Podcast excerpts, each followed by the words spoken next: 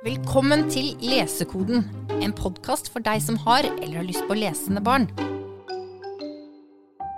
Hva kan vi lese etter Harry Potter? Har du noen gode gråtebøker? Nynorsk? Er dette fine ord? Har dere et tips til en niåring? Har dere bøker som ikke er for tjukke?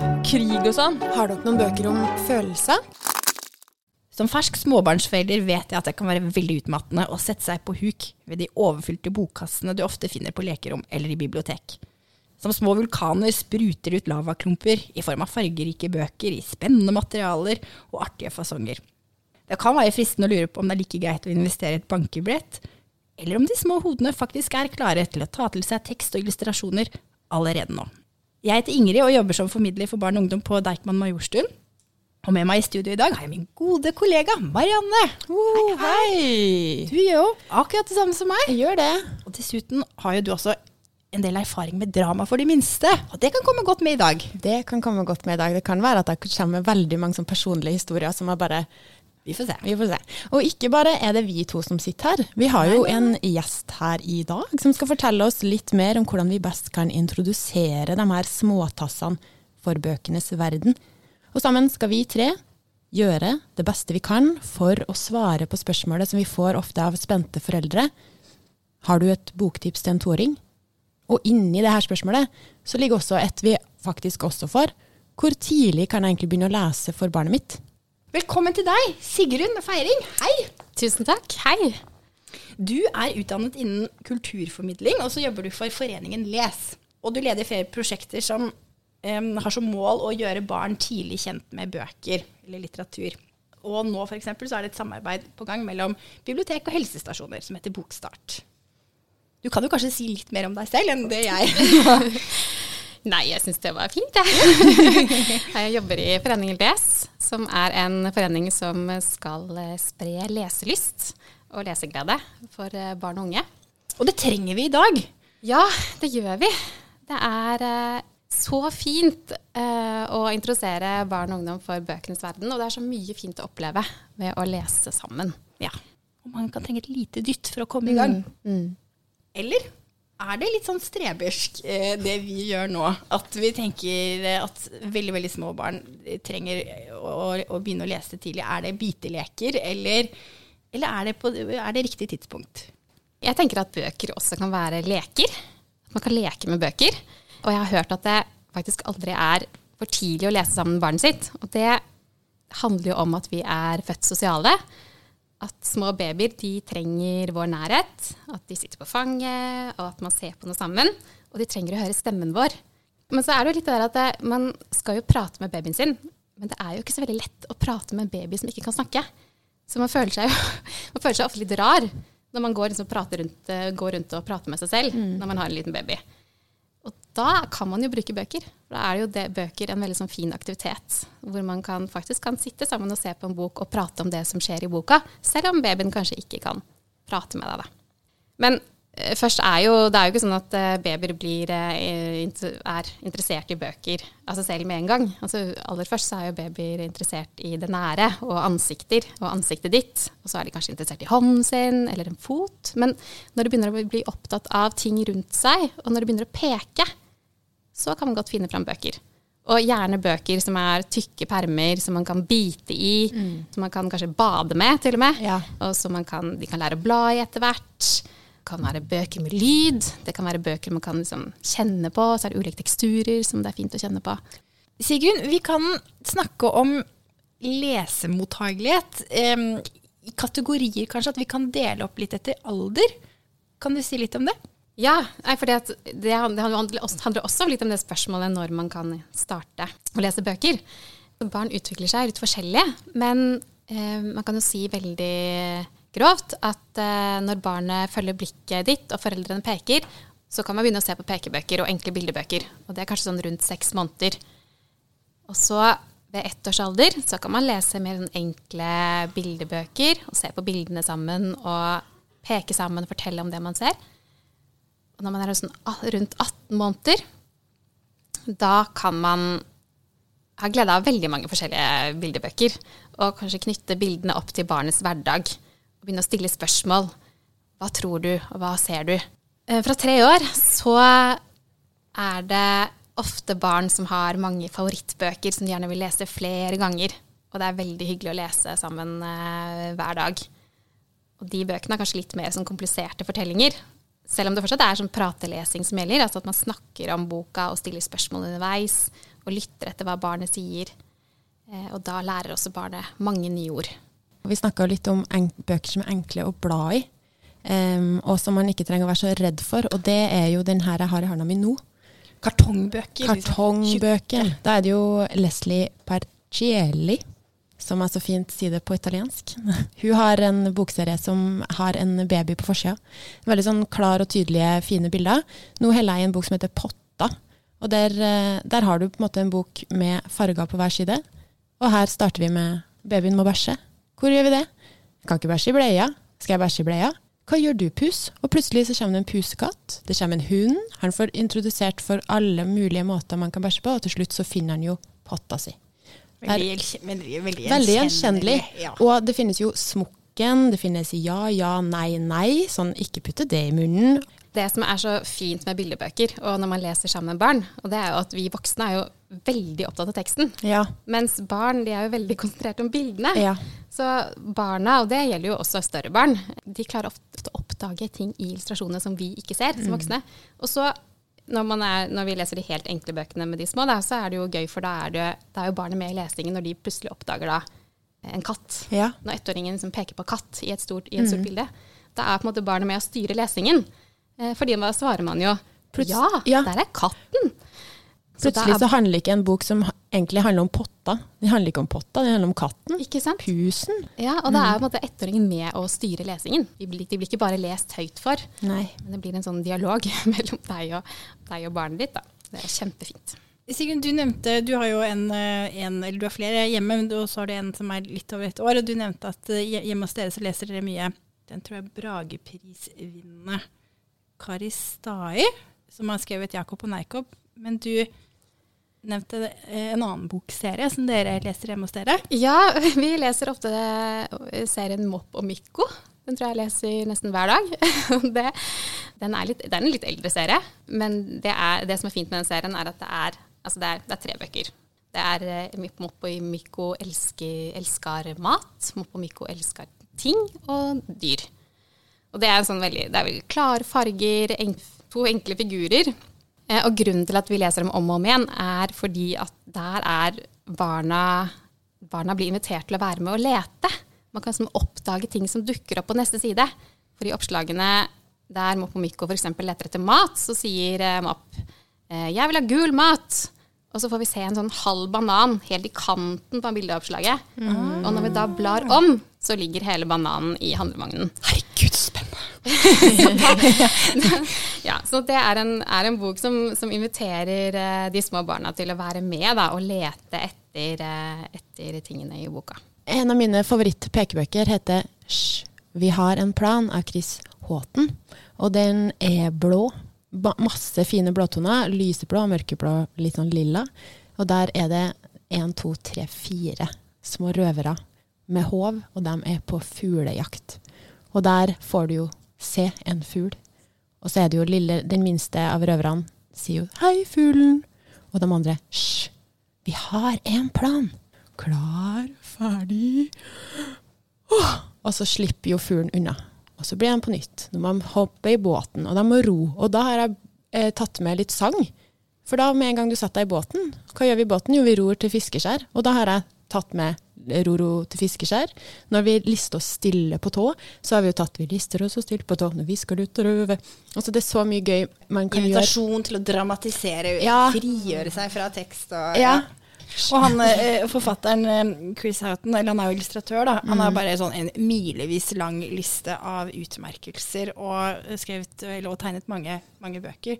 Det er bare kjempefine. En fest også for de voksne å se på. Ja, så er det Bildene er bare så Ja, det er blåtona, men så er fuglen selvfølgelig i en sånn rosa-lilla som den skiller seg så innmari klart ut. Så da når vi leter etter fuglen, da, hvor er den nå? Der! Der! Og Man da kan lete etter fuglen, Ja. og så i tillegg så er det det derre hysj, som er veldig gøy. For da kan barnet være med og ta fingeren fingeren opp, til ja. Og, Og si klar Ja, bare den spenninga. Kjempefine. Og andre bøker på en måte innenfor feltet sånn spenning, da. Vi leter etter ting eller henter. deg og Men du har på din liste flere Ja. bøker som handler litt om det samme. Det er jo minst minsten lete etter smokken. Det kan være ganske dramatisk i et barns liv. Altså- hvor er smokken? Ja, Minsten er jo en, også en bokserie da, om, av eh, Mervin Lindmann. Han, øh, Minsten er en liksom sånn smart øh, liten fyr som øh, virkelig tar opp jakta med å lete. Han river ut alt fra senga, han åpner skapet, alle lekene detter ut, men smokken er ingen steder. Og den her har jeg hatt eh, god gevinst med og tatt med til tantebarn på to år, som satt og iherdig leta etter smokken. Så du blir veldig godt kjent med ja- og nei-ordet. Når du leter hva smokken i skapet? Nei. En annen bok om smokk er også Paul Smokk, Ja. som er veldig morsomt, som jeg fant rett før jeg skulle hit. Eh, Det er Barbro Lindgren eh, og Eva Eriksson. Og der er også, altså Paul er en, en gutt som stolt går ut i verden med smokk. Og så på veien så møter han en hund Ja. som vil ha smokken hans. En katt som vil ha smokken hans. Men de får ikke smokken hans. Men så er det plutselig en and som snapper smokken hans. Og da blir han sint. Men det avslutter med Paul tek smokken, Anna sint, Paul glad, ha-ha. Og den illustratøren der, Eva Eriksson, det er den samme illustratøren som har illustrert bøkene om Julia. Oh. Som er alle jeg har snakket med, eh, og barn også. Det, altså, de tegningene de er så søte. Det går rett inn i hjertene våre. vet du, Julia må være den søteste jenta jeg har sett om i bøker. Og der er jo spenninga. Julia er hjemme hos deg, man skal jo finne Julia. Julia leter også etter smokken. Ja, ja, hun henter Eh, sokker. Julia henter sokker, hun setter seg på overalt, og hun, hun putter ting i munnen som hun ikke skal. Ja. Og så er det en hvor hun blir med mamma ut i byen, og da skjer jo det frykteligste. Hun mister mammaen sin litt i butikken. Noen andre problemstillinger som eh, er veldig gjenkjennelige for mange barn, det er jo gleden over å ødelegge ting. Ja, du har en favoritt der. Ja, og det er en ny serie av Hilde Matre Larsen om gutt og jente. Som eh, den, den, den boka jeg snakker om nå, heter 'Gutt og jente reparerer'. Og den tar for seg en gutt og en jente som går liksom på tokt. De har også en slags plan. Barn har jo ofte planer og prosjekter fore. De har en plan, og de går inn på kjøkkenet. Der ser de ting de kan ødelegge. Så ødelegger de dem. Men det som også er gøy etter å ha ødelagt ting, det er jo å reparere dem. Så reparerer de kanskje litt rart. Og så fortsetter de ferden. Og det bare går også rett inn i eh, småbarnsverden. Altså glede over ting som knuser, og liksom ting som ser annerledes ut. Og det er også gøy for oss voksne, for liksom det åpner hva skal si, sansene for hvordan ting kan se ut. Og, og det bare forstå hvor gøy det er å ødelegge. Ja, nå har vi snakket om mange bøker som, som man kan lese sammen med ettåringer, som er på ett og et halvt. Og, ja. Men etter hvert da, så kan man jo finne fram mange forskjellige bøker, og man kan stille mer sånn spørsmål. Sånn, hva tror du kommer til å skje nå? Barna kan inviteres enda mer med da, i fortellingen.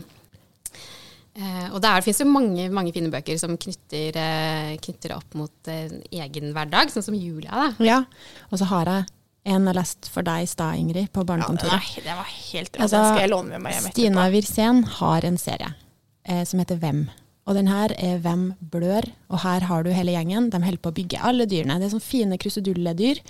Og det er en bok som vi snakket om, som har Det er jo ikke alle barnebøker som eh, har hva skal jeg si, flere lag, men den boka der, den har en annen dimensjon. Her har du det. De skal snekre, og Katt hun ødelegger seg. Hun tar også og bruker saga på beinet, og det blir masse blod. Masse blod. Helt plaster, og det er gråt, og det er helt dramatisk.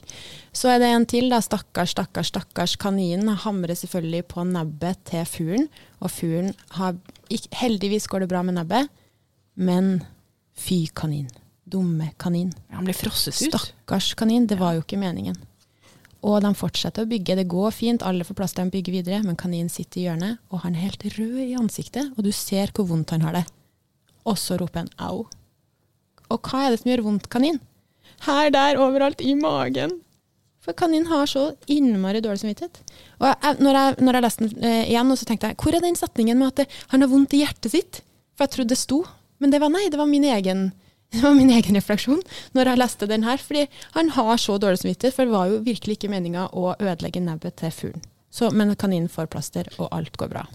Jeg får nesten tårer i øynene fordi det er så stor del av hverdagslivet. Barn som gjør ting de ikke mener. Ja. Ja. Og, som, og som det er typisk at de kanskje får kjeft for, eller som man nettopp gjør han dumme deg, de får ikke være med. ja. Og så mente de det jo ikke. Nei. Den, eh, altså alle den Stina Wirsén-serien er de, Det er mye bruk av ordet dum, da. Så hvis du sånn her, ikke har så lyst til å introdusere barnet ditt for det ordet, så men, da kan du bruke et annet ord. Men det er bare de ansiktsuttrykkene på illustrasjonene altså til dyrene, de er, det er så mye følelser involvert. Så man, ja, man får tårer i øynene. Jeg liker veldig godt de bøkene som virkelig tar for seg barns følelser. For det er, jo, det er jo det hverdagen vår, hvis man er småbarnsforelder, som jeg også er, så er det så mye store følelser. Og de bøkene så finnes det ganske mange gode bøker som kanskje er litt for eldre igjen, da, som er sånn fra tre år og oppover, men uh, kan jo lese det fra to, to år også. Um, Eller Da finnes det en del bøker som er litt sånn faglige. Og det, Ja. hva er følelser? Ja, hvor de faktisk snakker om det. Ja, det finnes det. Men en serie som, eh, som jeg tenkte på da, det var en Rot og bjørne-serien. Ja. Eh, det er Hege Østmo Sæter Olsnes som har den. Og der også er det Det er Det skildrer to, to forskjellige karakterer. Altså det er vel en mus og en hund. eh, Som ganske forskjellige, har ganske forskjellige personligheter. Og da er det ikke rart det går litt i tottene på hverandre. Og det er store, store følelser involvert. Ja, jeg tenker bare når, når han Rot begynner å tegne på alle Ja. arkene, det er ikke ett ark igjen, og Bjørne skal begynne å tegne. Jeg bare, jeg, jeg bare ser det så sykt for meg, det, det scenarioet der. De lø det er jo fint med disse bøkene at de løser disse konfliktene på en måte. Altså det som skjer er jo at de begynner å tegne på hverandre i stedet, og da blir jo alt veldig gøy. Enig. Jeg, sitter, rister mye på hodet. Jeg lever meg veldig godt selv om det er en sånn liten pekebok. Nei, det er helt utrolig. Mm. Og da skal vi inn på en serie av um, Irene Marienborg om Nora. Og kanskje du kan si litt om Bokstartprosjektet da, Sigrun? For der er jo Nora en nøkkel, nøkkelbok. Det kan jeg godt gjøre. Bokstart det er jo et helt fantastisk prosjekt, vil jeg si. Eh, og det, det er et eh, prosjekt hvor, eh, som Foreningen Les har tatt initiativ til, og hvor vi samarbeider med helsestasjoner og bibliotek om å spre leselyst. Og det vi gjør, er å samarbeide om å dele ut gratis bøker til småbarnsfamilier. Og så da deles, deler vi ut én bok på helsestasjonen, og så deler vi én bok ut på biblioteket. Ja. Eh, På helsestasjonen så har vi valgt eh, å dele ut en eh, småbarnsbok som deles ut på åtte måneders kontroll, eller ett år. Og det er en sånn bok uten tekst. Og grunnen til at vi har valgt det, er at man kan bruke den boka uansett hvilket språk man snakker. Altså uansett norskkunnskaper, så kan man kunne bruke den boka, og så kan man sitte sammen med barnet sitt og peke for bildene i boka og snakke sammen på det språket føler seg mest komfortabel med å snakke. Og vi oppfordrer jo alle til å bruke morsmålet sitt. På toårskontrollen så deler helsestasjonen ut en invitasjon, og den, den, den invitasjonen den er til biblioteket. På biblioteket så kan man hente seg en ny bok, og den er også gratis. Og da har vi valgt en bok i Nora-serien. En bok som er eh, Det er bøker som er ganske fargerike. Eh, Det handler om Nora, men også en venn som heter Philip. De har, det er bare én setning eller to på hver side, men likevel så har den noen sånne gode historier, og det skjer noe. Det skjer noe litt sånn dramatisk i, nest, i nesten alle bøkene. Og den vi valgte til slutt å, de, å dele ut, er eh, en bok som heter Æsj, sier Nora. Og i den så øver Nora seg på å smake på grønnsaker. Men det må også farmor gjøre. Og det blir jo ganske dramatisk når farmor må smake på en chili. Ja. Og Nora må hente brannslangen for å slukke brannen i munnen til farmor. Altså De spiser også veldig mange andre snille grønnsaker som smaker søtt og godt. Tomatdrops. Tomatdrops, f.eks. Det er også en bok man kan jukse litt med, eller, altså hvis man kan ligge litt i forkant. Fordi det å, for den handler jo da om å smake på grønnsaker, og da kan man faktisk jukse. Og gjøre klar grønnsaker som det skal snakkes om i boka. Sånn at barnet kan smake faktisk underveis. Ja. Jeg elsker Nora-serien. Lurer på om det er den nyeste som heter Au, sier Nora. Den leste jeg for to tantebarn på to og et halvt og på fem um, nå nylig. Og de kom hjem fra barnehagen og var kanskje litt sånn sliten, og vi satt oss i sofaen, og mammaen sto og laga middag, og jeg fikk lov til å liksom sitte i sofaen og lese. Så tok jeg fram Nora. Nora får lov til å prøve sparkesykkelen til Philip, den gule, fine sparkesykkelen. Og det går selvfølgelig galt. hun slår seg, og får vondt og skrubbsår og må ha plaster og sånn. Og jeg leste den kanskje med litt mye innlevelse, og jeg ser veldig ofte på ansiktstrykkene deres om de speiler meg, og det gjør de som oftest. Men denne gangen så tok jeg det kanskje litt for langt, fordi begge to begynte å gråte. For de ble så lei seg på Noras vegne. Så han minste han måtte gå og finne mamma. Og, mamma! og så måtte vi ta med mamma og så måtte vi fortelle at Nora fikk så vondt, men hun fikk heldigvis plaster, og hvor mye det hjelper i en klem. Så den, ja, det er virkelig stas å lese dem høyt. Dramatisk og gjenkjedelig. Ja, Jeg tror det er ni, skrevet ni bøker i den serien, og det kommer helt sikkert flere. Alle er veldig fine. veldig. Et av, jeg husker at du har sagt når det gjelder bokstart, da, som jeg syns var veldig sånn viktig, og, liksom, og dette må jeg notere. Grunnen til at det er veldig lurt å begynne tidlig å lese, er jo at barn er jo ikke blanke lerreter som vi på en måte skrur på knappen til når det gjelder læring eh, når det passer, eh, når de begynner på skolen. De er veldig mottagelige for, eh, for å lære ord tidlig i livet. Kan du si kjapt litt om det? Ja, altså Man sier jo første, eh, ofte at de første 1000 dagene i et barns liv, de, altså de første tre årene, er utrolig viktige. Og det er fordi da utvikler jo hjernen seg veldig, veldig raskt. Eh, og, da trenger måte, barnet trenger masse nærhet og kjærlighet og trygghet, og så trenger det også masse stimuli. For det er jo da det første samspillet mellom barn og de nære omsorgspersonene sine da, legger da grunnlaget for all senere kommunikasjon, og da språket. Og små barn de utvikler jo lyder, ord og setninger i da, samspill med, med voksenpersonene rundt. Og så er det jo selvsagt veldig mange ting man kan gjøre for å stimulere et barn. Og det er ikke sånn at bøker er det eneste. Og det, og det går bra hvis ikke du begynte å lese for eh, babyen din. Men poenget er jo at det å eh, lese bøker, det er utrolig hyggelig. Man kan legge bort alle forstyrrelser. Og man har et sånn felles fokus sammen med barnet sitt. Eh, så med bøker og historier så kan man som sitte sammen og få en sånn ro, og man kan oppleve noe fint sammen. Og samtidig som man har en veldig hyggelig stund, så lærer barnet ditt flere ord. Jeg tenker at Man kan se på det litt som en slags å investere i et fond. Altså, du, du kan bli rik seinere i livet, men det kan også være lurt å sette, eh, sette noe inn i fond. Så, sånn at det, de lærer tidlig, da, det kan de få veldig god bruk for seinere. Og at det måte hjelper eh, utviklingen. Da. Ja, og så er det jo liksom sånn at man vet jo ikke helt eh, når de ordene kommer. på en måte. Så, og så, så, som jeg da, som har en ettåring, hun kan ikke snakke så mye, men hun kan forstå veldig, veldig mye. Eh, og de ordene kommer plutselig nå, da. Så de ordene lagres jo på en måte De er der. De, De er der. de må bare ja, og de dem. forstår mer og mer, og de forstår veldig veldig mye fra tidlig av. Det er egentlig bare å, å prate masse og, og ha, ja, være sammen med barnet sitt. Og da er jo det å sitte og lese sammen utrolig hyggelig og fint. Vi må videre når det gjelder eh, kategorier som eh, eh, finnes av bøker for, for barn i den alderen. Fordi det er jo egentlig et vell av kategorier oh, ja. som, som er veldig aktuelle. Og mm, nå har vi vært måtte, innom det som måtte, dagliglivet, da, det som opptar dem, og, og følelser. Og så er jo en helt sånn opplagt interessant kategori, det er dyr. Jeg fant, eh, når vi snakker om dyr, så fant jeg en liten perle fra 1996 um, som heter 'Norske husdyr'.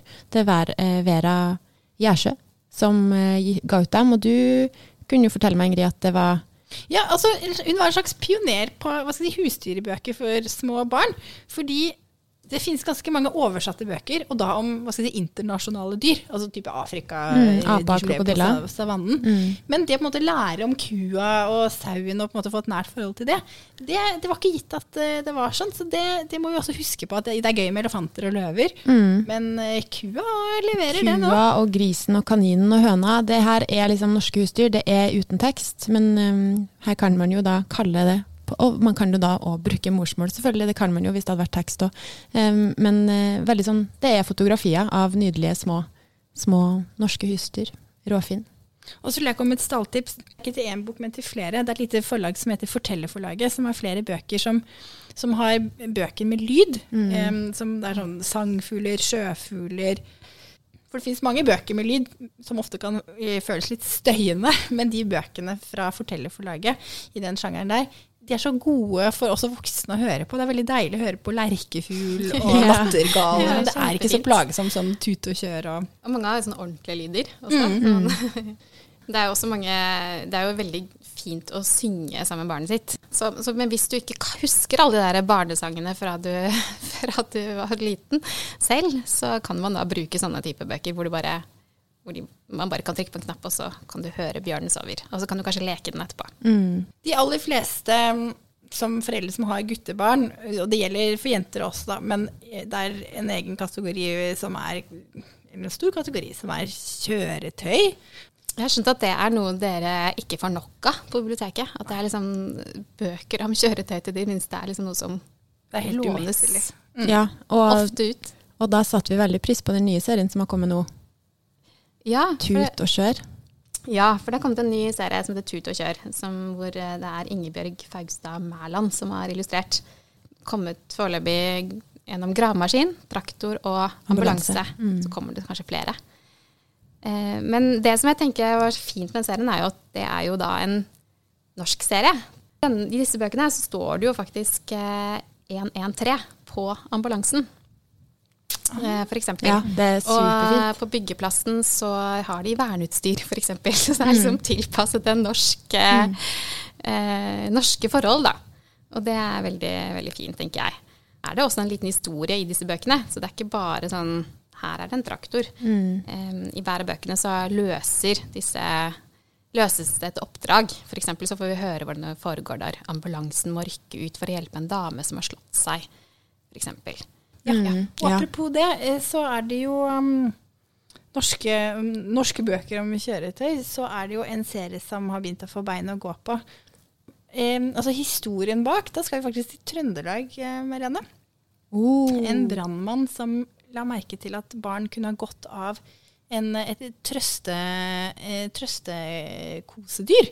Så altså, de utviklet en maskot som heter Bjørnis, som nå har blitt en bokserie. Brannbamsen Bjørnis. Og den uh, It ticks all the boxes Uh, for alle de barna jeg har lest den med. Uh, fordi det er Bjørnis, så her er jobben hans. Her ser vi liksom kjøretøyene han forholder seg til, og rutinene og sånt. Og så, og så er det kanskje en alarm som går, da. Noe som at, at han må redde en katt, eller Virkelig, det er dramatikk. Det er, man kan nøle på kjøretøy. Nå Kjempefint. har jeg bare Bjørnis-sangen på hodet, for det er jo en soundtrack der som er, ja, som er veldig catchy.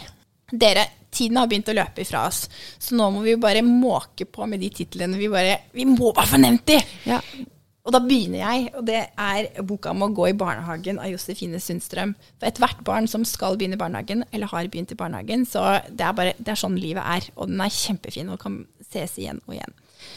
Eh, og den andre er tingen som jeg bare Å, jeg må få sagt det. Det er eh, Katarina Krusvall som har i dag kartong eh, tegnet ut de kjente store eventyrene som Bukkene Bruse, Prinsessen Bertha. Det var mine. Ja, de er Sigrun? Ja, jeg vil gjerne si noe om eh, en ny serie som eh, er skrevet av Arne Svingen, og som er illustrert av Jenny Jordal. Og det er 'Leo blir en hund' og 'Leo blir en elefant'. To bøker som tar utgangspunkt i barnas fantasi og rollelek. For hvordan ville det vært å være en elefant eller en hund? Og det er det man får vite i disse bøkene. Ganske fiffige tanker. ja. For eksempel så er Leo med mamma i butikken for å kjøpe en blomsterbase, og får beskjed om å være veldig, veldig forsiktig. Men hvis han forestiller seg at han er en stor elefant, hvordan skal han da oppføre seg inni den butikken og la være å knuse ting? Eh, og det blir jo veldig, veldig morsomt. Så det, her er det jo da rolleleken som blir utgangspunkt for veldig komiske situasjoner, og så er det også veldig sånn lekne illustrasjoner i den eh, boka, som gjør at den er veldig gøy å lese. Min eh, superfavoritt, som er en sånn um, Vi snakka om å leke Bjørn sover. Det er 'Hvor er Bamse?' av Jonathan Bentley. Og det er, ikke en, det er ikke en pekebok, det er en ganske stor eh, bildebok. Men her har du Theodor som har mista Bamse og må ha hjelp til å lete. Og så er det Bamse er jo rett bak deg. Theodor, hallo! Men det er jo en stor bjørn som Theodor ikke ser, som bare vi som leser ser. Og som hjelper da Theodor med å finne bamsen til slutt. Og den er så fin. Helt eh, dramatisk vakkert. Så da etter vi har funnet bamse, så er det veldig gøy å lese, le leke Bjørn sover. Og med de ordene Ja. vil jeg takke dere for dagens episode. Spesielt takk til deg, Takk Sigrun, som har vært med oss. Ja. Veldig gøy å være her. Og hvis du har en tåring, så kan du komme til et hvilket som helst Eikemann-bibliotek og spørre etter en bokstartbok. Hva var det? Du, det var lyden av lesekoden som knakk. Dette er en podkast fra Deigman, hele Oslos folkebibliotek.